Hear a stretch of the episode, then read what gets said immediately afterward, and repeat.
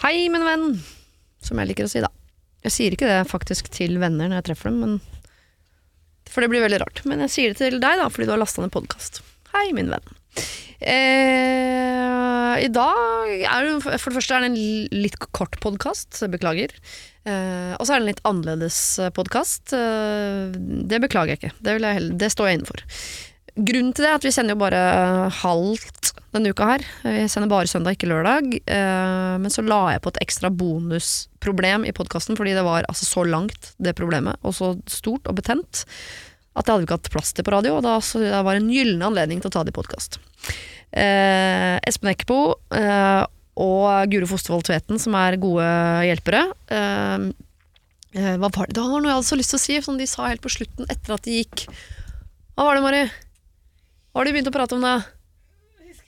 Ah, produsenten er gravid igjen. Det er, du, ja, hun er gravid, så det er ikke noe jeg slenger som dritt. Det er en faktaopplysning. Hun er gravid.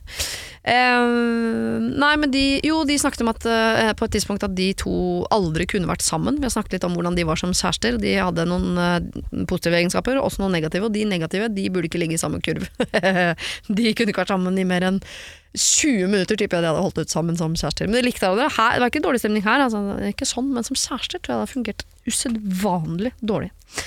Du får altså nå eh, fire programmer som skal gå på radio også.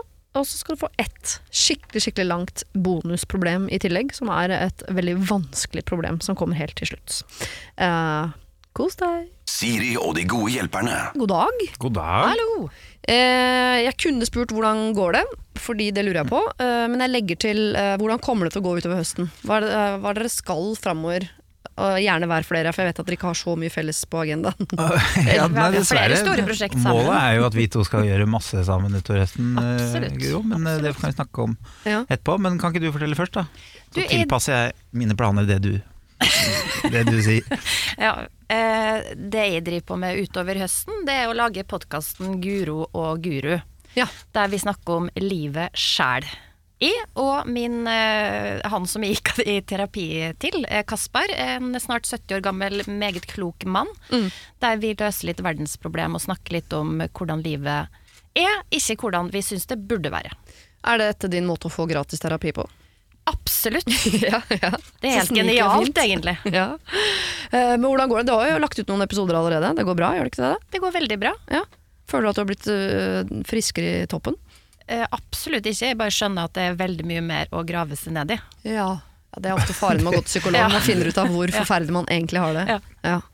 Og du da, Espen? Ja, nei, jeg planlegger å være mye gjest i andres podkaster utover høsten. Ja. Kanskje starte min egen. Eh, jeg blir veldig misunnelig på alle dere som har podkast. Det Ja. høres så hyggelig ut. Det er, Det er veldig kult å å si. Ja, det er kult å si. Man har, jeg, jeg, har litt sånn mindreverdighetskompleks for jeg ikke har noe podkast. Ja. Så jeg får se om jeg kan gjøre noe med det. Eh, ellers så har jeg helt oppriktig bare fri nå de neste ukene i hvert fall. Jeg vet ikke helt hva jeg skal gjøre. Vi har akkurat levert siste episode av en serie som heter Det kunne vært verre, som går på TV Norge og Dplay. Et par Ja. episoder igjen nå, tror jeg. Så det er ikke for sent å henge, henge seg Det er På, der du har eh, tolv unger med 13 mødre, ja, eller ja. Noe sånt. Ja. Eh, Så ja, og det har vært gøy og slitsomt som vanlig, og nå skal vi bare puste litt ut og så se hva vi gjør fremover. Vet ikke. Jeg tror den serien kanskje gjør deg rusta til å være en god hjelper her i dette radioprogrammet. Ja, fordi kult. det er litt sånne problemer man uh, dulter borti av og til. Ja. Folk som har altså, barn med feil folk, eller som ikke har barn, eller som ikke vil ha barn og har osv. Det er en del av det. Ja, kanskje uh, jeg kan bruke det jeg, jeg tar dette på kvoten for research til sesong tre, da, kanskje. Ja, det kan du gjøre. Kan helt sikkert skrive Du sitter med penn og papir ja, du, og notere. notere. Ja. Det er veldig imponerende. Ja. Eh, men har, er- du har også fått utdelt penn og papir, du Ja, bare har men jeg er såpass vis og klok at jeg trenger ikke penn og og du har papir. penn, papir og avbitertang, har du fått? Faktisk. har du fått en Yes. avbitertang? Er det- Ja. Hvorfor har du det? Den er bitte, bitte liten for øvrig. Ja, Som Til neglene, kanskje? da Ja, det er en del av programmet jeg ikke har fortalt dere om, så dere kommer til å forstå hva den er til eh, litt eh, senere. da. Det gleder jeg meg til. Men hvis du skulle hatt podkast, Espen, noe, hva tenker du det skulle vært? Liksom? Noe alvorlig, noe morsomt, eller Ja, det bør jo være en blanding, kanskje. da Det er jo det perfekte blanding av humor og alvor. Ja. Hva er det man gjør? Er det ikke bare å invitere noen og sitte og prate om problemstillinger som ja. jeg, jeg, jeg vet ikke. Kanskje invitert folk som jeg ikke liker. Og Du snakker egentlig Ja. om programmet til Siri, du nå. Hva er det det du har gjort? Jeg inviterer folk jeg ikke liker. Ok. Snakke om problem. Ja, snakke om problemer. Nei.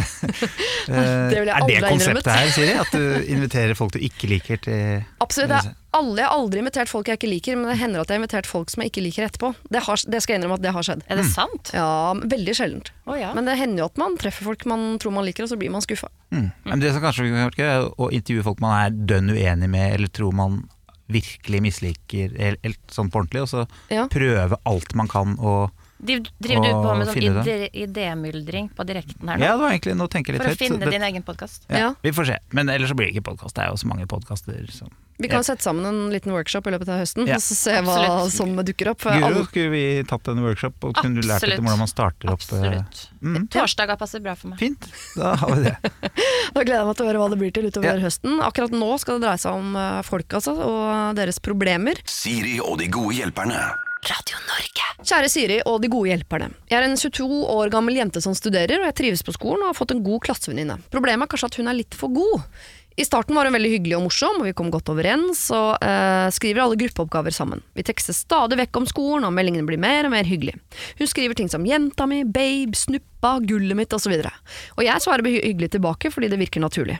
I timene kan hun plutselig stryke meg på låret, på ryggen, i håret osv. Hun sier også 'hei, kjære, hei, jenta mi' osv. Og, så og klemmer meg når hun ser meg. Jeg har aldri sagt disse tingene tilbake, og aldri tatt på henne, da det er unaturlig for meg. Vi møtes heller ikke utenfor skolen, da jeg har mange andre venninner fra før av. Men hun gjør tydeligvis eh, meg om til hennes beste venninne, eh, ofte. Altså hun snakker om henne som om hun var hennes beste venninne. Først da jeg opplevde hun som ubehagelig, så syntes jeg det var vanskelig å si fra. Jeg ble litt satt ut da hun strøyk meg på låret og sa at jeg hadde fin rumpe. Og jeg tenkte at det var et engangstilfelle, og hun har jo guttekjæreste, så jeg tenkte ikke så mye over det. Andre gang det skjedde, tenkte jeg at jeg burde sagt ifra fra første gangen, men nå har det gått snart tre år, og vi skal skrive bacheloroppgave sammen. Derfor ser jeg ikke noen løsning på å slippe denne uønskede oppmerksomheten fra henne. Er hun forelska i meg? Hva skal jeg gjøre? Hun kan også finne på å gi meg gaver ut av det blå. Jeg har aldri gitt henne noen ting, og hun klager ofte, øh, også ofte til meg om kjæresten sin og forholdet deres.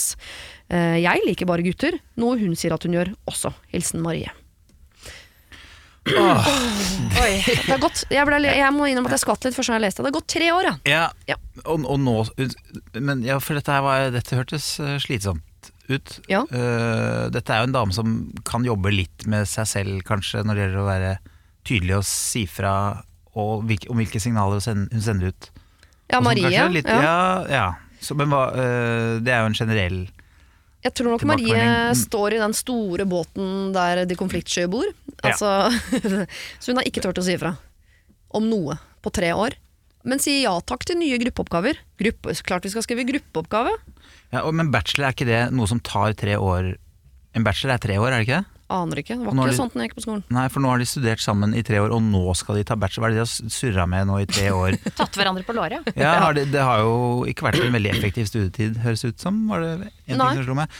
Um, Men du, de har jo snakka om dem to, da. Det var jo det siste hun skrev. Vi Mm. har snakka begge to om at vi liker kun gutter, begge to. Ja. Uh, Så det her eh, Det høres jo kanskje ut som hun har prøvd å hinte litt, da, selv om hun har vært konfliktsky i tre år.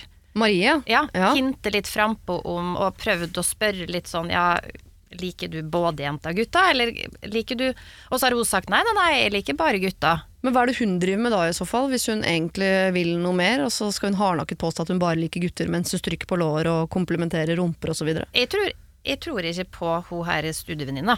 Jeg tror at hun eh, liker Marie. Ja. Jeg tror hun er litt usikker på hva hun eh, egentlig like ved henne, om hun bare syns det er veldig hyggelig å samarbeide om bacheloroppgaven i altså, du tror år. at hun som skriver inn, liker denne Nei, innpåslitne hun venninnen andre, sin? Nei, hun ja. andre innpåsliten venninne liker Marie. Eh, hun, har bare, hun er bare i eh, denial.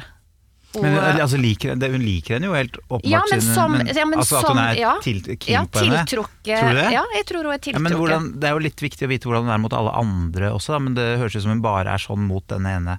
Ja. Og hva, hva er egentlig problemet her? Er det om, skal, om hun skal si tvert ifra slutt opp og være så Hun får masse Koselig. Ja, ja, Innpåsliten. Er det Ja. ja, for man kan jo ta det som Kan du ikke bare se på det som et kjempekompliment? Det er jo ikke sånn det Du blir jo ikke uh, misbrukt på det Nei, groveste her. det er det et slags lesbisk metoo-potent... Er, det- er det det vi Ja, kanskje. Hun, hun sier at hun vil slippe den uønskede oppmerksomheten. Hun, vil jo, hun liker jo tydeligvis den jenta også. Hun har lyst til å jobbe sammen. Hun kan ha henne som klassevenninne. Hun bare orker ikke det derre uh, tafsinga, tror jeg. Nei, er Hun burde jo gjøre det samme som hun ville gjort hvis det hadde vært en gift mann eller en mann med kjæreste som gjorde dette her mot henne, da kanskje. Ja. Og hva er det? Nei, det er jo helt opp til henne. Enten hoppe på muligheten til å ha et lite eventyr, eller ja. og kanskje få fart på studiene og kanskje gi en skikkelig boost, eller, Ja, eller gi henne et klask på kinnet. og- ja. For er det litt Jeg bare tenker at dette er sånn et klassisk problem som man burde tatt med en gang. Ja. Ikke sant? Eh, Nå har det holdt på i tre år, og da jeg ville skvette litt hvis jeg hadde vært hyggelig mot et menneske i tre år, stryke på lår og eh, gitt komplimenter og sånn, og det virker som det var helt greit, og så plutselig det tre år sånn Det greiene der må du slutte med. Det, Ja. altså, det, det, bare virker litt sånn rart. Det burde du sagt fra med en gang, for da hadde- føler jo jeg meg dum. Å ja, eh, har du tenkt på dette lenge, eller? Ja, i tre år. Men det er jo kanskje det hun må, Marie. Men de er jo veldig mye sammen, da, tydeligvis. Ja. Eh, sånn at det burde jo være innafor etter tre år. Da kjenner du et annet menneske ganske godt. Mm. Og så Du trenger jo ikke å, være så utrolig hard. Du, unnskyld meg, men eh, er du forelska i meg, eller? Du trenger jo ikke å si det. Men det går jo kanskje an å si Du, når du driver og tar med på låret og sånn, hva tenker du da? Gjør du det med alle? Det er kleint å si det. Ja. Jeg tror Det ligger ikke i, i personligheten til hun innseieren, Hva er hun for noe? Marie. Eh, jeg- hun virker som en klassisk sånn eh, Konfliktsky. type. Så hennes eh, det, det som vil funke best for henne, er jo antagelig bare å gradvis trekke seg unna, slutte å ta Men da telefonen. mister hun jo hele bytte- relasjonen, da. Ja, men det er vel det hun må, da. Å bytte studie, gradvis si at hun er interessert i noe annet. Ja. Hva, hva slags bachelor var det hun skulle ta, egentlig? Står det? Nei, Ja, det det, er står ikke. Ja, det er jo litt, hvis det er litt sånn et eller annet fag som du fort kan bytte ut med noe annet, bare, bare prøv å skli litt unna, gjør deg litt norsk, liksom. utilgjengelig. Ja. Ta en sånn, det, det ville jeg gjort, i hvert fall. Bare gradvis uh, bort, borte. Jeg tenker jo også at Hvis du har holdt ut i tre år, så holder du ut i tre år til. For det er jo ofte bare det å komme over kneika. Så sånn, hvis du skal løpe 600 meter, la oss si det, så er det første 300 helt forferdelig. Men når du ser at du har passert 400 meter, så går de siste to ganske greit. Ja, Men hva skjer etter kneika? Dette Nei, men jo Da er du ikke på skolen. De er jo ikke venninner utenfor skolen. Da kan du fade ut. Hardt. Du trenger ikke å fade ut engang. Du Ja, må da- forsvinne. ja. Oppløse i luften. Du, kan jeg bare få si en ting. Jeg skjønner jo at hun syns det er litt sånn vanskelig. At noen plutselig liksom driver og tar på låret og kommenterer rumpa og sånn. Det er jo ikke så plutselig, det har vært i tre år. Ja, ja, ja, men, ja, men fra at man bare har avtalt at man skal skrive en oppgave sammen, til at det det, der avtalte de begynner nå å skje. etter at hun hadde Hun har jo strøket seg fram til en avtale Ja, dette Om å- er, det er som du sier helt korrekt, Espen. Dette er eh, lesbisk venninne-metooing. Det Ja, det det er. ja. Hun må, hvis hun ikke vil ha det, så må hun jo si fra. Mm. Og den måten å være på, vennen min, alt det, det er jo hersketeknikk. Og hun, hun Jeg tror hun venninna vet at hun driver og gjør det vanskelig for henne å, å trekke seg unna. Og hun redd, ja, og hun mangler sikkert litt venninner. Ja. Hun er redd for at uh, hun skal trekke seg unna, og driver nettopp derfor og overøser henne på en sånn klein måte som gjør at Så hun er en manipulerende, farlig dame. Hun er, oh, ja. Jeg tror hun driver og leker litt med henne. hun trenger bare å få klar beskjed, dytt unna. Med mindre dette er en dame som hun har lyst til å ha et livslangt vennskap med. Og at de kan klemme og stryke låret hele livet. Det er jo hyggelig å ha en nær venninne, sikkert, men øh, Sikkert hyggelig å ha en nær venninne. det var utrolig Ja. vanskelig dilemma. Kjempevanskelig. Marie, eh, vi er helt enige her om at hun liker deg veldig veldig godt. Enten så eh, driver hun bare og manipulerer deg, eller så eh, vil hun ha deg, hun forelsker deg, driver og tester deg ut. Men dette er jo ikke en venninne av deg, så enten må du bare komme deg gjennom den oppgaven, eller så må du slå hardt ned på det. Men fordi du er så konfliktsky, så har vi ikke noe troa på at du kommer til å gjøre det. Eh, så da får du bare holde ut i tre år til, da, og så hardt fade ut av dette vennskapet som ikke er et vennskap. Ja, og det avhenger litt av hvor opptatt hun er av å ta bachelor i akkurat det faget. Da. For jeg, jeg ville bare bytta bachelor. Ja, det er det mest konkrete vi kan si egentlig, Marie. Du bør antakeligvis bare bytte studie. Siri og de gode hjelperne. Lørdag og søndag fra 09.00 på Radio Norge. Hei, Siri og de gode hjelperne. Jeg er en godt gift mann i starten av 40-åra. Eh, Jeg er sammen med da min ungdomskjæreste, og vi er verdens beste venner. Vi har ingen barn. Samtidig så er jeg også forelsket i en annen, og nå vet jeg ikke helt hva jeg skal gjøre. Jeg har ikke rørt denne andre, men hun vet om mine følelser, og de er gjensidige. Jeg er veldig forelsket, men jeg vet at det går over dersom jeg ignorerer det. Det har skjedd før. Det tar tid, men det går. Men skal jeg det, da? Jeg kan leve resten av livet mitt med kona, det vet jeg. Jeg vet at eh, ved å få meg en ny kjæreste, så, ja, så vil jeg oppleve en ny gnist i livet, men den går jo over den også, og så er jeg der jeg er i dag. Så uansett hva jeg gjør, så blir jeg på et eller annet tidspunkt helt ok lykkelig. Eh, så hva syns dere jeg skal gjøre? Kall meg Adam. Adam virker som en ok Adam, han, Adam. Het, han heter Adam? Ja. ja. Han virker som en ok lykkelig fyr. Er ikke noe gærent med kona, Han kan godt være sammen med kona resten av livet. Ja. Han kan godt være sammen med andre dama han er forelska i òg. Jeg vet ikke om jeg fikk det med meg, men jeg hørte ikke hvor gammel Adam var. Men det er jo litt for, Han var 40? Mm. Ok, så midtveis i livet da, kanskje. Mm. Uh, hmm, hmm, hmm. Så det høres jo litt tidlig ut å bare være sånn ok. Ikke at Ja. man skal bli bare ok lykkelig til slutt, Men han bare- virker jo ikke veldig misfornøyd heller. Det er bare Nei. at han har blitt forelska i annen, og det kan jo skje Ja. selv om han egentlig har det bra. ja.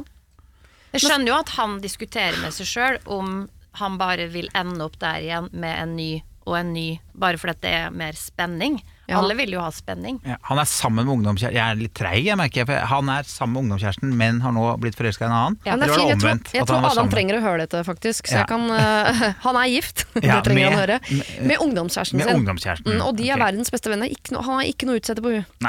Han er forelska i en annen også, så det Ja. virkelig sånn hipp som happ, Ja, ja. på en måte. Men det er jo livsfarlig å være sammen med ungdomskjæresten. Da. Det er jo en tikkende bombe, er det ikke det? da? Jo, det er tikkende bombe. Så Ja. ja, det er jo det ene. Så det, men det skulle han tenkt på før. Nå er han jo i den eh, Men det virker jo situasjonen. Ja, altså så virker og det, det er jo veldig kanskje ja. ja. Nei, det virker kanskje som at når, De har jo ikke barn sammen. Det hadde kanskje forandra litt eh, rådet. Ja. Når de bare har vært sammen i 100 år, og han føler e- Det han egentlig sier, er at du er, har gått glipp av utrolig mye gøy i livet mitt med bare å være sammen med ett menneske siden jeg var veldig, veldig veldig ung. Og det er ingenting annet som binder oss sammen at, enn at vi bare har levd et langt liv sammen. For jeg kan fort bli forelska i andre. Ja. Og da er kanskje mitt råd i hvert fall at han bør kanskje revurdere å prøve å få levd i et par år før han binder seg skikkelig til noen. Ja, for Adam slår meg som verken en tikkende bombe eller altså Han slår meg som en ganske sånn uh, fyr som bruker uh, ord som OK som et av Ja. de mest positive ordene han kan. Mm. Syns du maten var god? Den var god. Altså, jeg tror ikke han er et sånn fyrverkeri av et menneske i noen som helst retning. Jeg tror ikke han kan bli veldig lykkelig eller veldig deprimert. Han er helt sånn vanlig midt på tre menneske. Men han er 40 år sammen med ungdomskjæresten, har Mm. vært det hele livet, og de har ikke barn. Nei. Eh, ja, ikke sant? Mister er du litt hva er troa på den kjærligheten ja, hva er det, hva er det som holder Nei da, det kan jo Men det kan jo Jeg vet ikke hvor stor Om det er noe de har prøvd å få ikke fått, eller om det liksom er fordi at eh, de skal vente Hvis, hvis de ikke har barn fordi de skal vente og se han litt, og de er 40 år, så er det Da tror jeg han skal komme seg videre Mm. Ja, litt fort. Ja. Så med mindre de nå har vært gjennom mange sånne forsøk og ting, og de, de står sammen i en eh, Krise. Ja, en krise og, ikke, og skal gjerne etablere seg ute. Så hvis, hvis det er situasjonen, så er det noe helt annet enn om det bare er sånn Nei, vi, vi begynner ikke med det helt enda, vi lar spiralen sitte et par år til. Mm. Jeg har hørt at man kan få barn når man er 48, så vi, vi venter. Hvis I Spania. Ja, hvis, Ja. hvis de er der, så da ville jeg, da ville jeg kanskje unnet Adam å bare suse litt av gårde, da. Ja. Og det høres ut som dere begge to unner Adam uh, litt livsgnist. Ja, men også, jeg vet jo ikke noe om, om dama hans. Er, er de like gamle? Er hun Altså hvor Hvis jeg er ungdomskjærester, så tipper jeg Ja, ja. vil håpe ja, ja. at ikke hun var ungdomsskolelæreren hans. Nå, Hadde det forandra noe? Ja. Ja. Ja, da hadde jeg vel Jeg, jeg, jeg vet ikke, men da Men skal man hoppe av noe som er helt ok for å hoppe over på noe annet som er helt ok, eller syns vi at Adam bare skal tralte videre der han er, til det dukker opp noe fantastisk? ja, Nei, man kan ikke drive og hoppe av hver gang ting er bare ok, Fordi i snitt så er jo ting sjelden bedre enn ok. Ja. Så man skal ha litt sånn, For- for liksom, meg, Men ja. jeg vet ikke. Det, ja. Ja. Nei, for, for meg så står slaget litt der at de faktisk ikke har eh, barn. Okay. Eh, sånn at han står egentlig friere i å kunne ta valg, Mm. eh, og faktisk kunne velge noe mer enn OK, da. Som Ja. er litt sånn trist når man eh, faktisk har muligheten til å Ja. få noen år med litt gøy og futt. Ja, samtidig, de er jo gift, og at man eh, etter mange, 20 år sammen med det samme mennesket har havna på et sted som er helt ok, er jo ikke helt unaturlig. Så jeg syns det er dumt å røske opp med rota bare fordi noe annet er litt sånn spennende. Men samtidig så tenker jeg at du er 40, det virker som du bare trall, Du har tralta i 20, og så skal du tralte i en 40-60 år til.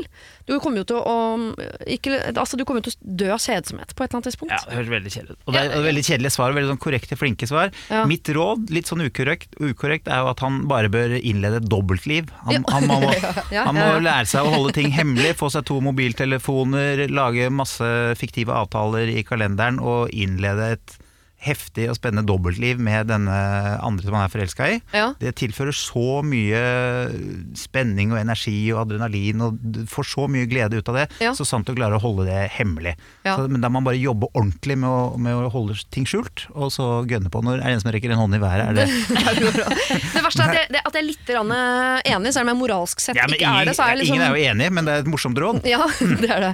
Men jeg tenker også at uh, en ting Adam kan gjøre, da, er jo å si dette til kona si. Og se om det virvler opp noen gamle følelser. Så jeg sier sånn, vet du hva, jeg er, jeg er forelska i en annen, jeg. Det har ikke skjedd noen ting. Jeg vil bare si at jeg er forelska i en annen. Kanskje hun blir illsint, og der dukka det opp en gnist. Og så kanskje slenger de hverandre i veggen, og så er de tilbake igjen på 17 år og forelska. Man vet jo ikke, han har jo ikke noe å tape. Han går jo bare rundt og har det helt ok. Ja. Kan ikke røske opp litt med rota, da. Se hva som skjer. Du trenger jo ikke oss, du, Siri.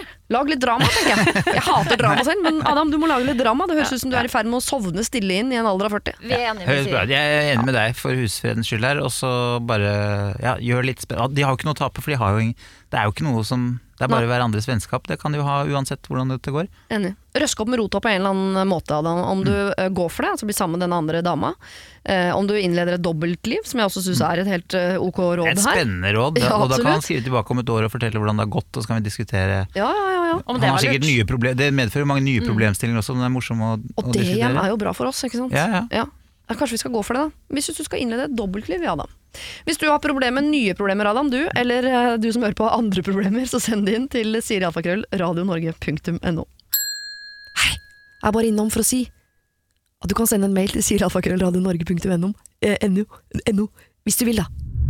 Hei, fine dere. Dette er kanskje på siden av det dere vanligvis håndterer, men jeg prøver meg.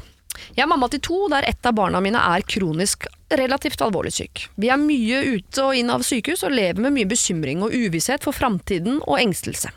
Livet får jo mildt sagt litt andre dimensjoner, og der jeg fint kan forholde meg til eh, de fleste følelser som oppstår rundt dette, sliter jeg med eh, at jeg begynner å bli så sint. For det er mange som hevder f.eks. at eh, du kan ikke si noe feil, det viktigste er at du sier noe, men herregud så mye dritt folk lirer av seg.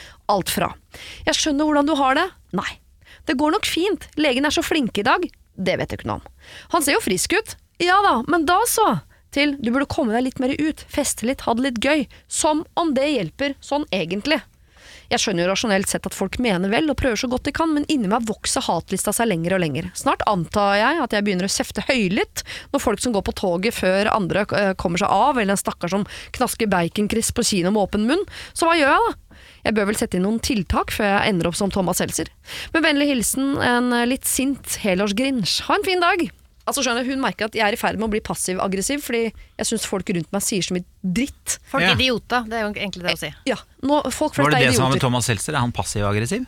Nei, jeg tipper hun ser på han som en litt sånn uh, sinna, sur type. Nei, Thomas Seltzer? Ja, men du kjenner jo han bedre enn Helårsgrensen. Ja, han, sant? Jøss, Ja. ja. det synes jeg var eh, For den skjønte jeg ikke. og oh, ja. Men, men ok. Ja. Ja, så hun går og bygger opp mye raseri mot andre som vil henne vel når hun er i en vanskelig situasjon. Jeg tror begeret hennes er så fullt at hun i utgangspunktet er eh, sint på de rundt seg. Så Ja. sint at hun på et eller annet tidspunkt kommer til å begynne å bare kjefte på folk på bussen. Ja. Okay. Bare for å få det ut. Bare for å få jeg, jeg må bare få lov til å si det. Ja. Det her er ei dame som overhodet ikke er bearbeida en situasjon som er veldig uforskyldt og veldig trist og leit å oppleve, men hun har overhodet ikke begynt engang å bearbeide det. Nei. Du har kommet i den situasjonen. Der må jeg bare si jeg anbefaler terapi. Oi! Ja. Ja, Noen ja, spesielle men, podkaster du nei. syns vi skal Nei, jeg kunne ha begynt med Guro og Guru, det hadde jo holdt lenge det. Men, men eh, lenge før det så ville jeg absolutt ha tenkt at uh, sinne er jo ofte uttrykk for en helt annen følelse. Som uh, liksom eh, redsel og eh, ja, skam og frykt og eh, at man rett og slett bare er kjempeskuffa over at livet blei sånn. Så jeg tenker at det, at hun er i ferd med å bare bli sintere og sintere og sintere, det tyder jo på at hun ikke egentlig har bearbeida det som ligger bak det Ja. sinnet. Og jeg kan jo si som eh, hovedformann i klubben for de som kjefter på tilfeldige mennesker fordi man egentlig har lyst til å ta opp ting med folk man er glad i. Eh, der, eh, den klubben er jeg med med du møter mange av når du går tur Ja. med hund. Ja, eh, så tenker jeg at det er jo eh, dumt. Det er ikke så veldig fruktbart, og det burde man gjøre noe med. Så jeg, men samtidig, hvis man skal se fra den andre siden, da, så er det jo vanskelig. Jeg ville ikke visst hva jeg skulle si til helårsgrinchen hvis jeg møtte henne. Så jeg sånn, ja, men det, tror du ikke det går bra da? De er jo så flinke på sykehusene. Altså, det kunne jeg sagt, fordi jeg ikke vet bedre. For jeg vet ikke hva jeg skal si. Men hvis hun da hadde reagert med sånn 'det der er det dummeste jeg har hørt', det må du slutte å si. Hvis, hvis hun sier de tingene som hun skriver her til disse menneskene som hun mener lirer av seg dritt, er det, jeg, og jeg vet ikke svaret på dette, så det er ikke et retorisk spørsmål, jeg stiller det fordi jeg lurer. Ja, kunne det vært noe? Skeptisk, Espen? Ja, det, det hadde gøy det hadde vært gøy å være flue på veggen når hun gjorde det, men jeg, jeg, det hørtes ut som hun kanskje må velge seg ut et par gode venner som hun, som hun eh, engasjerer seg litt i og får litt sånn dypere samtale med enn For den derre forbipasserende, hyggelige pjattet, det, du kan ikke få folk til å Det er som å spørre hvordan går det, så sier jo alle at det går bra. Hvis du begynner å fortelle hvordan det faktisk går, så, så blir jo folk trøtte og satt ut, og de har jo absolutt ikke lyst til å høre hvordan det egentlig går med det. Så sånn er det vel når de spør eller sier noe sånn lettbent om uh, dine syke familiemedlemmer og sånn, at uh, jeg tror man bare må kjøpe at sånn er det litt, Ja. kanskje. Og Ja. så får man heller finne et annet sted å bli rasende på. Og så tror jeg kanskje hun hadde kommet langt ved å tenke at det at jeg blir sint, handler jo, som du sier Espen, overhodet ikke med dem som bare av ren høflighet spør. Nei. De gjør jo bare så godt de kan. Det er jo dritvanskelig å møte på folk som enten er i sorg eller har opplevd noe vanskelig. Man går jo helst på andre sida av gata. Ja, dette er grunnen til at trekk, folk trekker seg unna med en gang livet Ja. ditt er vanskelig. Det er Ja. fordi man har, har ikke lyst til å lire av seg den dritten Nei, ikke sant? der. Men man har, ikke, man, vet, man har jo ikke løsninger på problemet heller, for det er jo kjempevanskelig. Ja. Men det er derfor jeg mener at, at det handler om hun, og det må hun ta tak i. Det handler jo ikke om dem som bare gjør så godt de kan rundt henne. Nei, så hun må, Da hører jeg to ting. Hun må gå i terapi, det er sikkert kjempelurt. Og så må hun også finne seg noen av de gode vennene sine som hun kan snakke ordentlig om dette på. Og Mm. da kan man jo ha den dialogen som er sånn Jeg skjønner at dere syns det er vanskelig å vite hva dere skal si. Uh, og, og det er fint at dere prøver å se positivt på det. Dere må bare vite at jeg, jeg klarer ikke det akkurat nå. Jeg, så Uansett hva dere sier til meg, så hjelper ikke det, men det hjelper at dere er her. Eller, altså, for jeg, jeg tenker at hun, For å få ut alt det sinnet, så trenger hun jo ikke å være sint på folk rundt seg. Hun vil jo bare få ut et eller annet. Mm. Hun kan jo la det gå utover barna. Ja, det, det er veldig bra. Kjefte og smelle og liksom Ja, eller få en, eh, en hund som hun kan kjefte på. For, de, Ja, de, ja, De tar imot mye. Ja. for hunder skjønner ikke passiv-aggressive ting. Man Nei. kan jo bare si veldig slemme ting med myk stemme. Men jeg hadde blitt veldig glad hvis jeg hadde hatt en venn som hadde bare sagt Vær så snill, ikke prøv å si noe som skal gjøre det her bedre. Drit i det. Ja. Sånn, det hadde jo vært mye lettere det, å forholde seg til noen som hadde bare sagt klart fra om det først som sist. Ikke prøv å trøste meg, ikke prøv å si at det her går bra, ikke, for det er ikke det jeg trenger. Det er kanskje hun skal være den som gir åpningsreplikkene, sånn at folk slipper å komme disse, uh, disse setningene som hun er så lei av. At hun på en måte bare tar hull på den ballongen før den i det hele tatt blåses opp, hvis du skjønner. At hun bare eh, Jeg vet at dere syns det er vanskelig å vite hva dere skal si. Ikke si at det kommer til å gå bra, osv. Jeg, jeg, jeg, orker ikke å høre Vi må snakke om noe annet. Men jeg syns hun først og fremst kan slå seg til rom med at det, kommer til å gå bra. Og det er så mange friske Eller det er så mange bra tjenester i helsevesenet, og vi er så heldige som bor i et land med med, Velferds-Norge. så det Ja. eh, Ja. Så det kunne vært mye verre. Det, det er mitt beste. Det er min kommentar til Det det. er din kommentar til det. Og så må du eh, da eh, oppsøke en terapeut. Eh, du må gå i dialog med noen gode venner. Og høre Guro og Guru. Ja, og så tenker jeg at klikke litt sånn innimellom på kreti og plete på trikken. Gjør ikke noe Nei, det er litt gøy. Det syns jeg man skal unne seg. Jeg syns det er for lite av det. Ja, synes det for lite av det. Ha noen spydige one-linere klare, liksom, til Ja. de som bare Ja, Bare det hadde vært gøy. be nabokjerringer om å holde kjeft og den slags. Ja, men gjør det en på del- vilt fremmede. Ja, Det er mye bedre. Ja. Bare be folk holde kjeft. Vær litt sinna på folk du ikke er glad i. Mm. Hvis det får ventilert ut noe, så syns jeg det er helt greit. Siri og de gode hjelperne.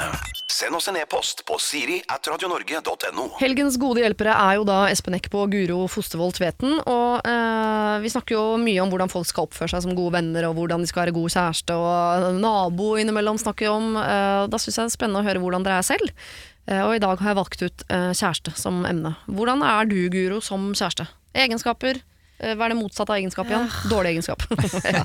Gode Det motsatte av okay. egenskap. Det, Ja, ja, det er, eh, hva er det egentlig? Nei, det fins ikke. det- Skap. Ja. Ja, nei eh, Å, det er jo alltid sånn supertricky å komme på sånne ting, ja. Um, ok, jeg må begynne med det positive, da, kanskje. Mhm. Jeg er veldig hengiven. ja.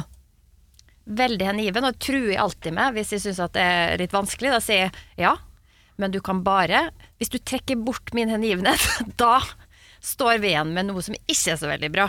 Altså Oi. hengiven som i når han gir deg en klem, så smelter du som eh, Nei, snø? nei, eller? men, nei, mer sånn interessert i hans liv. Interessert oh, ja. i Legg liksom hjertet på bordet, da. Mellom oss to.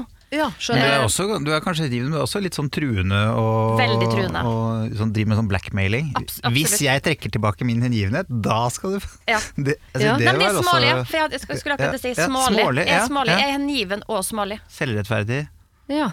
Ja Selvrettferdig, er det Hva er det egentlig? Nei, at du liksom eh, Nei, men er ikke smålig ille nok? Jo da, det er ille. Jeg ville bare legge enda mer opp i kurven. dritgryta. Ja, nei, Ja. men, men det å true med å trekke tilbake sin hengivenhet, det, Ja. da, det er også litt Ja, det, det, er, det er midt på mitt mest smålige. Så hvis, Ja, hvis ja. De to passer godt i den samme kurven, da, kan du si. Hvis jeg Du trekker passe- tilbake min ja, Hvis ikke du er snill nå, så trekker jeg tilbake min ubetingede, grenseløse kjærlighet til deg. Ja, Ja. Den, eh, Da trekker jeg Og det den vil du nødigst. ja, den rotekte, ikke Ikke den, den, uselviske, ja, ja. den Mm. uselviske kjærligheten kjærligheten til deg, den trekker jeg tilbake. Hvis ikke du gjør som jeg sier. Nettopp.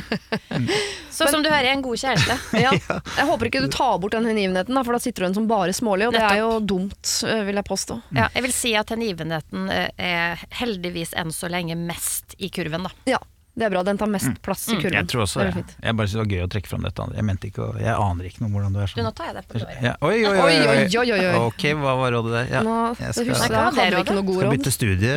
Ja, bytte studie, Espen. Hvordan er du som kjæreste, da? Oi, ja, jeg mm, jeg, jeg vet ikke, det må du spørre andre om. Har du skrevet Eh, nei, nei, jeg- andre? Er det så mange? ja, det, nei, det er ikke så mange å ta der. Men jeg tror jeg er en sånn blanding av omsorgsfull og empatisk og litt sånn eh, selvopptatt og, og bitter. Oh, ja.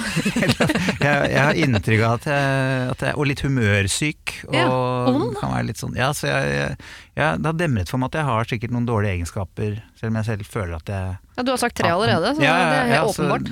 Det er lettest å komme på de dårlige egenskapene, egentlig. Litt sånn, ja.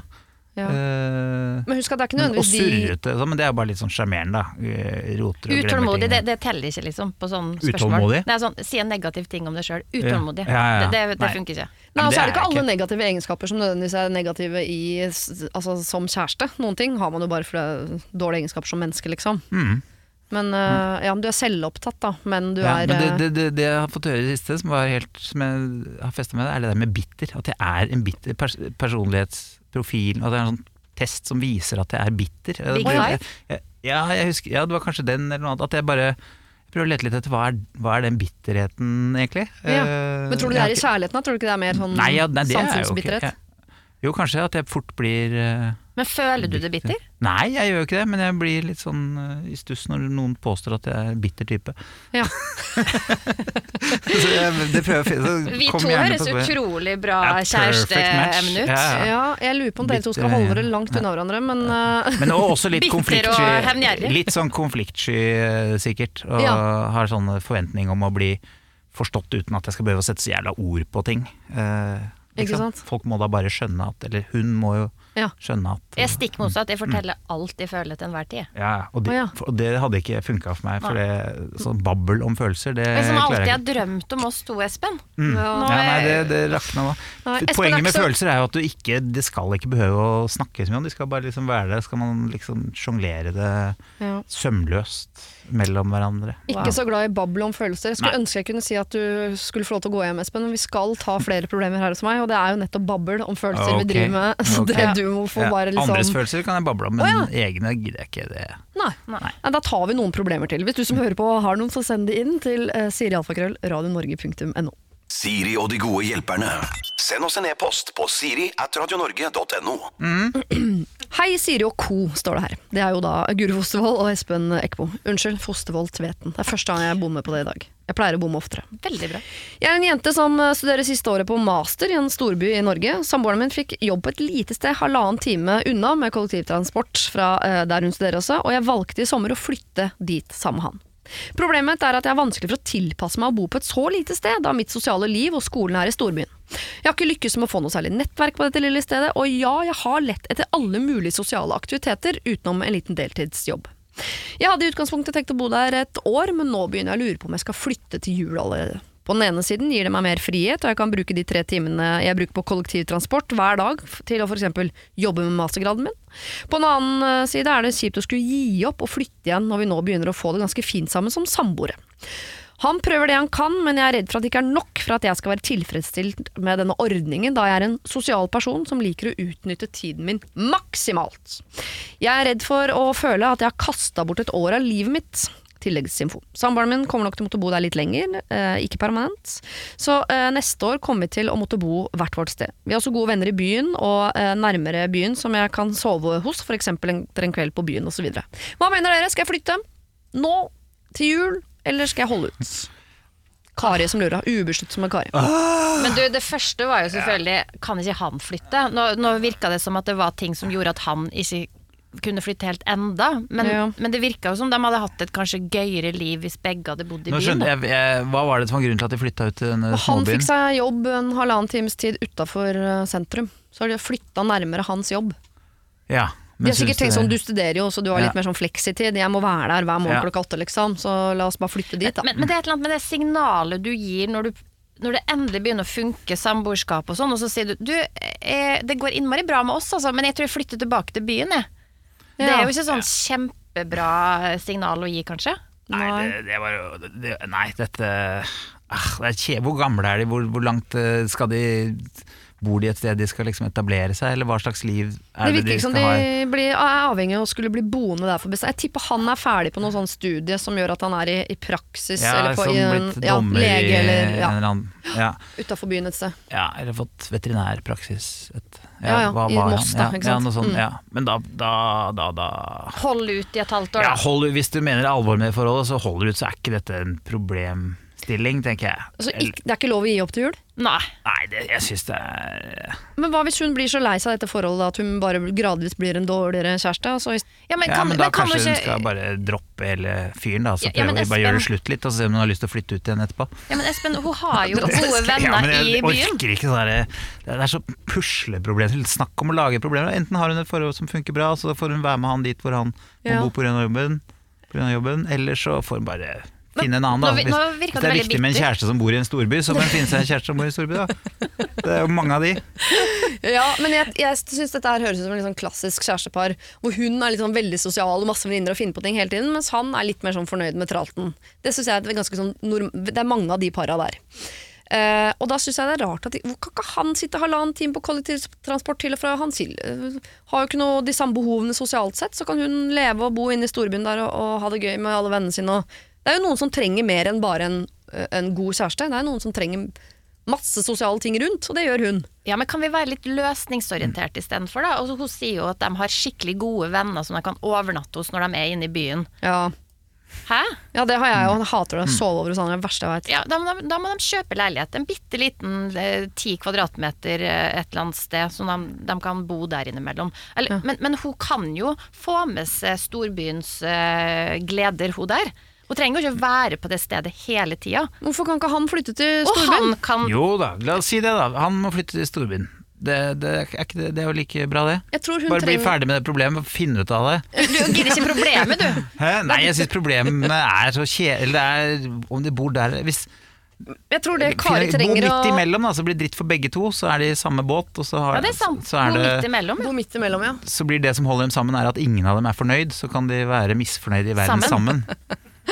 Det er ikke sikkert det er så dumt. Fordi eh, da er det i hvert fall ingen som kan klage, for de har Nei. det like dritt begge to. Ja, ja. Eh, men jeg mener, for det eh, Kari antageligvis trenger å høre, er at vi skjønner at hun ikke vil bo på bygda når livet hennes er i byen. Og så tror jeg hun gjerne vil at vi sier sånn, kan ikke han flytte inn til byen da? Hvorfor er det du som må pendle? ja, det har vi sagt nå. Mm, Ja. Men de flytta jo ut, så hvorfor den diskusjonen og det har de jo ikke. tydeligvis hatt. Nei, Men Ja. han liker det, eller? eh? Jeg tipper han er en sånn type som er samme for meg, egentlig. Han syns ikke bare det er pes å skulle drive og flytte på seg.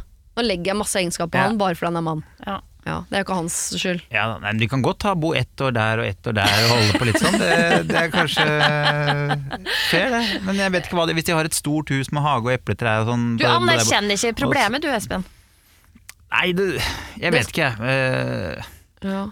De kan jo bare si, si det til Kari, og det kommer til å bli mye verre enn dette. Ja. Kommer til å bli mye, mye verre enn dette. ja. Det er jo ikke så hyggelig å si til Kari, men, eh, Men jeg ville, jeg ville prøvd å gjøre det slutt, og så ser du om det, om det frisker opp noen følelser. Plutselig så vet du at eh, men herregud, om vi bor her eller der, det spiller ingen rolle, for jeg vil være sammen med han fyren. Og Ja. om vi da bor i langt ut, utenfor byen eller der, så da, da får du litt sånn ny energi. Men hvis det ikke spiller noen rolle, og det var viktigere å bo i en storby enn å være sammen med han, så da er det sikkert eh, greit å få avklart det nå. Og så bruker du jo ti år på å finne den riktige fyren. Det har jo hun gjort. Så jeg er litt enig med deg. At det trumfer liksom logistikkproblem. Ja. ja. Kari, du er ubesluttsom, og det er vi eh, også. Her ser vi eh, at livet ditt kommer til å bli verre enn dette, dessverre. Og eh, det er mange muligheter her. Det første jeg hører, er at du skal bare holde ut fram til sommeren. Sett av det året du hadde satt av i utgangspunktet. Jeg syns du kan involvere mannen din litt i å si sånn Kan vi være sånn flytte tilbake til storbyen, for det er viktig for meg. Altså, Blomsten min visner hvis jeg skal bo ute i, i ødemarka her. Eh, så hvis du vil at vi to skal være kjærester lenger, så er vi nødt til å flytte på oss. Hvis ikke så kjeder jeg meg faktisk i hjel. Og så får du se hva han svarer på det, da. Hvis ikke så kan du jo Jeg velger å bruke et råd du ga tidligere i dag, Ja. Espen. Ja. Leve et dobbeltliv. ja. Du kan få seg familie i storbyen med mann og barn. Det er kanskje ikke lett å produsere Nei. et barn. Kan adoptere. Adoptere et barn i storbyen. Mm. Kari, jeg syns du skal uh, flytte. Noen mener to av tre mener at du skal flytte om et halvt år. Jeg mener at du og typen din skal flytte før jul. Siri og de gode hjelperne. Ok dere, nå er vi altså over i et problem eh, som kun ligger på denne podkasten. Eh, fordi det er så langt at hvis vi skulle ha gjort dette på radio, så måtte vi kutta ut eh, trafikkmeldinger, nyheter, vær, reklame, musikk. Uh, alt det andre et radioprogram består av, det fikk jeg ikke lov til av sjefene. Derfor har jeg flytta dette problemet over på podkasten. Eh, og jeg, kan, jeg orker ikke å lese hele problemet her engang. Ikke fordi ikke alle elementer er viktige, men fordi det, tar for, det er som å lese en bok. jeg har rett og slett Herregud, fått innsendt en bok fra en som vil bli kalt for Oda. Oda. Jeg skal lese eh, første kapittel i denne boka. Mm. Eh, jeg har aleneomsorg for en liten jente på tre år. Unnskyld, ja, det jeg var aleneomsorg. Aleneomsorg, ok. ja. For en jente på tre år. La meg bare få notere ordentlig. Aleneomsorg, ok. Det har jeg hatt siden jeg oppdaget at jeg var gravid. Hun er nemlig resultatet av et one night stand, og barnefaren eh, både er fra og bor på et annet kontinent. Det har eh, heldigvis aldri vært en problemstilling angående omsorg, da jeg selv innser at han ikke er skikket til det ansvaret. Men han vil gjerne ha innsikt i hennes liv og følge oppveksten hennes, noe jeg tross alt jo er glad for på hennes vegne. Så for å bidra til dette, så oppdaterer jeg eh, han og hennes liv i tekst og bilde hver 14. dag via en webside som han har opprettet. Denne har hele familien til barnefaren og hans søsken og hans skilte foreldre og sånn tilgang til. Og jeg har skypet så å si fast en gang i uka med grandma, siden jenta mi kun var seks måneder eh, gammel. Så henne føler jeg nesten at jeg kjenner, til tross for at jeg aldri har møtt henne. Og så begynner selve boka. Altså, nå har dere skjønt at Oda har aleneomsorg for en jente på tre år. Pappaen bor langt borte, har ikke noe omsorg, men han vil ha litt innsikt i hennes liv. Det som er, er at han, denne pappaen da, har vært noen ganger i Norge. Han har prøvd å få seg en eh, jobb i Norge. Han har uh, tidvis invitert seg selv på litt sånn lange besøk hvor han har bodd hos hennes familie. Han har aldri, måte, han har aldri overnattet i samme hus som Oda og babyen, og han er en meget uh, ustabil type. Altså Jeg sier ikke at han er slem på en måte, men han har hatt en vanskelig oppvekst. Han har vært utsatt for en trafikkulykke.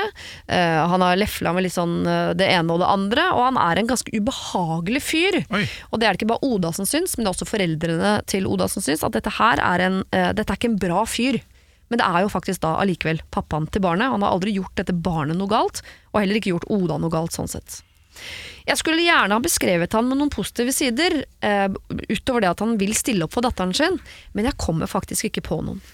Jeg vil også nevne at både hans mor og søster har forståelse for at jeg i perioder har kuttet han ut. Eh, og det Oda lurer på er om kan hun kutte han helt ut? Espen, vær så god. Eh, ja, det kan hun, men jeg tror at dette barnet var det gutt eller jente? En liten jente. Gitt inn i. Ja, ok. Men eh, uansett så tror jeg at det barnet kommer til å uh, kreve å få, få en eller annen relasjon til den faren. Sånn at for barnets skyld så kan hun ikke kutte ut den uh, faren helt, liksom. Late som den ikke-eksisterende. Så barnet må få et, en ryddig historie om sin egen far i hodet. Og, så, og det å kutte han helt ut og bare liksom plukke han vekk helt, det tror jeg ikke er så lurt. Nei, så du tenker at hun kan fortsette med denne websiden for eksempel, og oppdatere på sånn men jeg bare tenker at Foreløpig nå så er jo det enkelt fordi den kommunikasjonen er enveis. Ja. På et eller annet tidspunkt når treåringen blir åtte år, så blir det jo rart at ikke også Altså Hvis far vil vite hvordan det går med barnet, så vil jo barnet på et eller annet tidspunkt bli nysgjerrig på hvordan det går med far også. Så da blir det jo en toveiskommunikasjon. Ja. Så da blir det plutselig mer. Ja. Men, Men men alternativet er at det barnet drar over til dette mystiske andre kontinentet når mm. hun er 20 år for å bli kjent med faren sin helt fra scratch, og kommer Ja. til å være full av åpne sanser og lyst til å tolke ham på best mulig måte og sikkert Ja. få det Så jeg Ja. Og det høres ut som du av hensyn til barnet vil at far skal uh, ha innsikt i livet ja men om hennes. far skal ha innsikt Nei, det er mer at barnet skal vite hva, Ja. ja. hva, Men- hva men det- greia med faren, kanskje. ja. Men, men jeg syns jo at hun gjør det riktige ved Det ble å legge alvorlig, merket Ja, det er alvorlig. Ja, for det er, jo, det er jo nettopp det det er. Det er jo et barn som er helt uforskyldt i den situasjonen her. Ja. Eh, og på et eller annet tidspunkt så vil jo hun komme til å måtte ta stilling til om hun vil ha et forhold til faren sin, men det er det jo hun som må få lov til å ta stilling til. Så jeg syns jo at hun gjør helt rett ved å legge til rette for at faren får vite noe om dattera si, og etter hvert at dattera får kjennskap til faren sin. Og så må jo faren på et eller annet tidspunkt komme på banen eh, der han må bruke energi på å finne ut av ting om dattera si. Han må, han må ta initiativet, for det virker jo som at det er hun som tar initiativet til at han skal få det han trenger. Ja, altså Han har jo vært her og prøvd å få jobb, og så dro han til I England Norge? og, prøvd, ja, og prøvd å få jobb i England. Og da, Han er veldig sånn sint på moren for at hun ikke altså, han, virker, han er en meget ustabil type. Mm. Altså, så jeg tenker bare som øh, Hadde jeg hatt en liten datter på tre år, øh, og faren var ko-ko i nøtta Ja, For det er det du sier egentlig at han er. Han er koko, litt ko-ko i nøtta, okay. ja. Mm. Så ville jeg ha eh, heller bare eh, brukt den energien jeg nå brukte på å opprette en webside, på å forklare datteren min sånn øh, både som treåring, fireåring, femåring, hele veien gjennom, forklare henne hvorfor ikke vi har kontakt med pappa. Ikke sånn fordi han er slem og dust og sånn, men sånn pappa er eh, syk, han har det ikke helt bra i hodet sitt, så derfor er ikke han her. Det er ikke fordi han ikke elsker deg, men hodet hans klarer ikke. Altså, Så lenge hun bare involverer datteren sin i prosessen og er sånn 92% ærlig, det syns jeg holder i bøtter og spann, så tenker jeg at hun kan eh, til eh, ja, i ganske stor grad kutte han ut.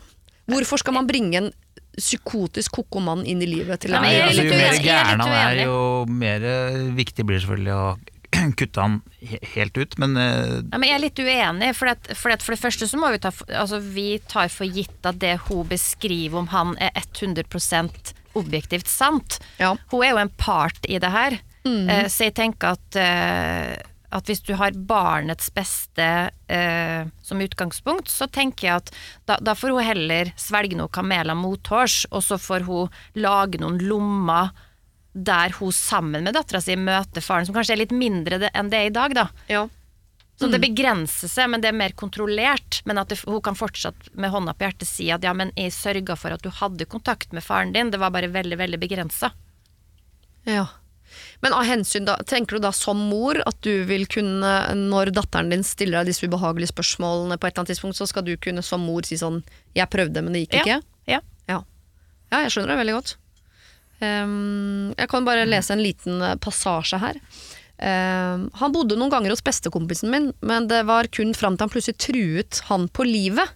Eh, Da rant begeret over for meg. Jeg kasta han på dør etter nok et utbrudd foran jentungen, som resulterte i at han ikke engang fikk komme om bord på flyet tilbake til England. Han var sint, virket truende, ble satt i jern. Etter det har han ikke vært her. Ok, jeg føler at du Datteren min, i en alder da av ett og et halvt, som uh, allerede da kunne snakke mye, har ikke nevnt daddy etter dette besøket. Ok, jeg føler du har holdt tilbake litt vesentlig ja, informasjon dette er jo Siri. klart at det han trenger er jo full omsorg for et lite barn, som kan gjøre han litt mildere og mykere, og, og kanskje stabilisere han litt. Grann. Ja. Så jeg ville ha skippet henne over. Du hadde sendt over ungen. Over Latt til han få kontinentet. ansvar for henne et år eller to, og så kan, håpet at det kanskje løste problemet. Ja. Nei da, Neida. eh, men uh, eh, eh, eh, det er vanskelig. er litt Men uansett hvor koko eh, han er, så syns jeg det er fint at vi syns det er vanskelig å si sånn kutt han ut. For det er jo eh, utvilsomt kommer datteren på et eller annet tidspunkt og spør sånn Ja, også, Hvor er pappa? Er han ikke glad i meg? Hvor Ja, bor han? Hvor kommer jeg fra? Fikk Altså, jeg de- aldri truffet Men han? eh, fordi at det er jo ikke bare en far, det er jo besteforeldre og kanskje noen onkler og tanter som er normale, og kanskje han får flere barn, så dette barnet får noe halvsøsken som vi har kontakt Så det Ja. kan liksom ikke bare lukke den døra til det universet helt, eh, tror jeg. For da vil det vil bli en sånn her eh, voksende liten verkebyll hos denne, dette barnet som vokser opp etter hvert. Så Ja. jeg tror det er lurt å ha ha, den, det, ha det litt oppi, altså. men man, det er jo en hårfin balanse. For at han, du vil jo ikke plutselig at han skal komme og kreve samværsrett og Nei. det greiene der. Men nå eh, virka du veldig lite bitter, Espen. Ikke sant? Ja. Ja, det er dette jeg prøver Er å ja, Absolutt. Så Mm. kanskje opprettholde den der uh, websiden, sånn at familien hans og han får lov til å se uh, utviklinga og uh, følge datteren gjennom hele hennes liv osv. Og kanskje Skype òg. Ja, absolutt, men jeg ville vært ganske streng på at sånn, du kan, så lenge du på en måte fortsatt er en psykotisk type, så vil jeg ikke ha deg innafor samme landegrenser som datteren min, dessverre. Ja, ja, hvis Jeg det ville er så bare vært- ille. Ja, Ja. jeg, ja, jeg, jeg tror jeg bare Og også Driver han med, er han som narkoman og sånn, eller ligger det bare litt jeg litt tror i ikke han er det. Han er nok ikke det. Men Nei. jeg tror ikke han er sånn som sier gal. dop. Nei, det er jeg helt imot. Det tror jeg ikke han sier. Mm. Han går nok ikke i nei til hasjmarsj, på en Nei. måte. Nei. Men eh, jeg vil også vil jeg bare si at jeg tror det er verre for et barn å ha et menneske i livet sitt som kommer og går litt, som ikke du skjønner helt, Mm. enn å bare forholde seg til at det er et menneske i livet mitt som ikke er her fordi han er syk. Tror jeg, da. Jeg tror bare at man blir mer ko-ko av sånn eh, Plutselig fikk du en julegave, og så gikk det tre år til neste gang, og så ringte den, og da var den gæren. Altså, ikke sant? Det, det tror jeg bare Det trenger ikke barn å ha i livet sitt. Mm. Da kan det heller bare forholde seg til at Og jeg har en far, han elsker meg, men han er ko-ko, så han er ikke her akkurat nå. Mm. Men det der med Eller- 'elske meg', hva er det for noe? Er det bare sånn man sier, liksom? Eller? Ja, man er jo veldig opptatt av å bli elsket, da. Ja, Ja. men det Ja. Det er jo det, Det er man bare sånn floskel. Ja, han men det er jo det man er sliter med sånn Å ja, han valgte meg bort, han likte ikke meg, han, så han, Nei, bare, han mamma vil ikke valgte være han her. bort fordi han var gal. Ja. Jo, men da må Ja. mamma si det. Galheten valgte ja, det han bort. si. Jeg tror bare være litt sånn åpen og ærlig og la henne få sånne smakebiter av kontakt, og så ikke bare lukte og la det bli en sånn her hemmelig dør som hun må åpne selv når hun Nei, jeg er enig. Det må være noe som er litt sånn øh, øh, Som kommer med jevne mellomrom. Ja. ja, Så dere er Mm. åpne for besøk også framover? At han innimellom får lov til å komme hit og besøke og sånn? Nei, det er Ja, litt mer jeg, er litt det, da. Ja. Hun må det, ja. Men da må det være litt ordna forhold. Ikke at, at han skal bo hjemme hos dem i 14 dager, liksom. For det tydeligvis, det går jo ikke. Nei. Nei, det er jo Ja, det Nei, jeg mener ikke. det, men at barnet selv kan få lov til å forstå at dette er en person som ja, han er faren min, men ikke helt god i hodet, så vi holder en sunn avstand. Ja. Men han har en hyggelig mor og en hyggelig sånn, så kan man ha Og vi kan så, spise ja. pizza på Peppes Ja. når han er i Norge. Men ikke prøv å få det til å bli en vanlig far som hun skal Nei, det går ikke, men bare være helt åpen og ærlig om den historien, tror jeg er helt Og kanskje også at det er lurere jeg bare, eh, Hvis man har ko-ko folk i, i familien sin, som jo mange har, så syns jeg alltid det er mye bedre å besøke de, så man kan selv bestemme når man går hjem, Ja, enn sant. å ha de på besøk. Så jeg tenker, Hvis det er England han eh, befinner seg i, da, så eh, dra til England en gang i året. Da. Altså, Ha det som en sånn årlig sånn eh, Februar hvert eneste år så drar vi til England. Da møter vi pappa i fire timer på eh, eh, den engelske pepperspizza. Heathrow? Ja, men du, Det hadde Ja, jeg følt meg skikkelig utrygt. For da hadde jeg begynt å tenke på sånn ta, Hva hvis han tar passet til barnet? Hva hvis han liksom er gærnere enn det jeg tror oh, ja. at han er? Ja, da hadde jeg følt meg skikkelig um, utrygg. Si at han må ta med seg sin mor, og du tar med din egen mor, så er det en gjeng som går på Peppes sammen, og så blir det skikkelig skikkelig kleint. Men da veit i hvert fall datteren din hvem han er. Ja. James Kitchen. Et eller annet. kan det være noe? Har jeg dere med meg?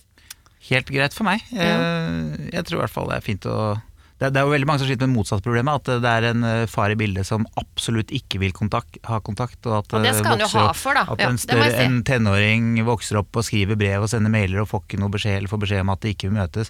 Ja. Det er også vel så sårt. Så du har i hvert fall et utgangspunkt som går an å få til noe som gjør at barnet ikke får noen varige komplekser av dette her. Ja.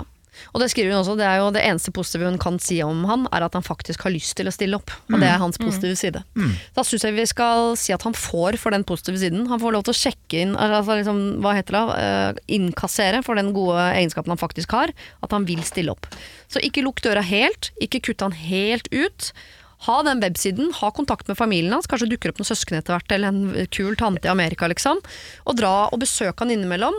Om han får lov til å komme på besøk hit, det er jeg usikker på. Men øh, vi sier ikke kategorisk nei. Jeg er veldig nysgjerrig på hvilket, hvilket kontinent vi snakker om. Fordi det var liksom så hemmelighetsfullt. Er det, må det anonymiseres så mye, eller er det hun som bare ikke ville si at det var i Nei, det, er, øh, Amerika? Eller er, for Ja. er, er det liksom det står ingenting om, men han bor i England nå. Men det er nok ikke der han er fra, for det er jo ikke et annet kontinent, er det? Nei, for det er liksom for, Er han fra Canada eller Sudan eller eh, Australia eller Ja. Kina? Det hadde, vært, det hadde vært spennende å, å vite. Ikke at det hadde hatt noen betydning for uh, svaret, men jeg blir litt nysgjerrig. Det er en av de, en av var- stedene. Mm. Kall han gjerne John, står det. John. John. Høres litt sånn Høres litt Afrika ut. Ja. Nei, ja, John er jo veldig internasjonalt. ja. Jeg, jeg synes det, er, det er ikke kinesisk, da, kan vi vel kanskje Antageligvis ikke kinesisk. Ja. Antageligvis ikke. Du, eh, kjære deg, dette hørtes jo eh, forferdelig ut. Bare eh, pass på at du hele tiden er helt ærlig med datteren din på eh, hvem pappa er. Og Ja. gjerne si at han er litt sånn syk i hodet. Det takler barn å høre, det er jeg helt sikker på. Det de ikke takler, er at du ikke sier noen ting om det, så det kommer som en sånn Tore på sporet på et eller annet tidspunkt mange år etterpå. Det orker vi ikke. Ikke bra. Nei. Siri og de gode hjelperne. Nå skjønner du kanskje hva jeg mener med at det problemet Altså det er for langt til å ha på radio. Det hadde, det hadde ikke gått, rett og slett. Vi kunne ha snakket om det problemet i timevis, og vi snakket også en del om det faktisk eh, etter at jeg skrudde av opptakeren. Det er jo dumt, da. Det er faktisk litt dumt. Det burde dere også ha hørt. Men øh, det var, var jo et vanskelig problem, og jeg prøvde, som jeg alltid gjør, å ikke involvere meg og mitt forhold til det å ikke ha kontakt med alle i familien sin til enhver tid i det problemet. Men det er vanskelig. Jeg merker det med en gang jeg er innom sånne problemstillinger. Har jeg bare lyst til å trekke opp egne erfaringer fra egen koffert. Jeg syns jeg klarte meg sånn tålelig greit nå. Eh, neste helg så er vi tilbake med vanlig sending og vanlig lengde på podkasten. Kanskje skal begynne med bonus. Vi får se. Eh, men send inn problemer da til eh, dette. Da bruker du altså Siri Alfakrøll. Radionorge.no. Og husk at du også kan komme og se oss live 28. november i Drammen. Sammen med det andre teatret. Thomas Giertsen, Solveig Kloppen, som er rådgivere. Unnskyld. Hjelpere. Gammel vane.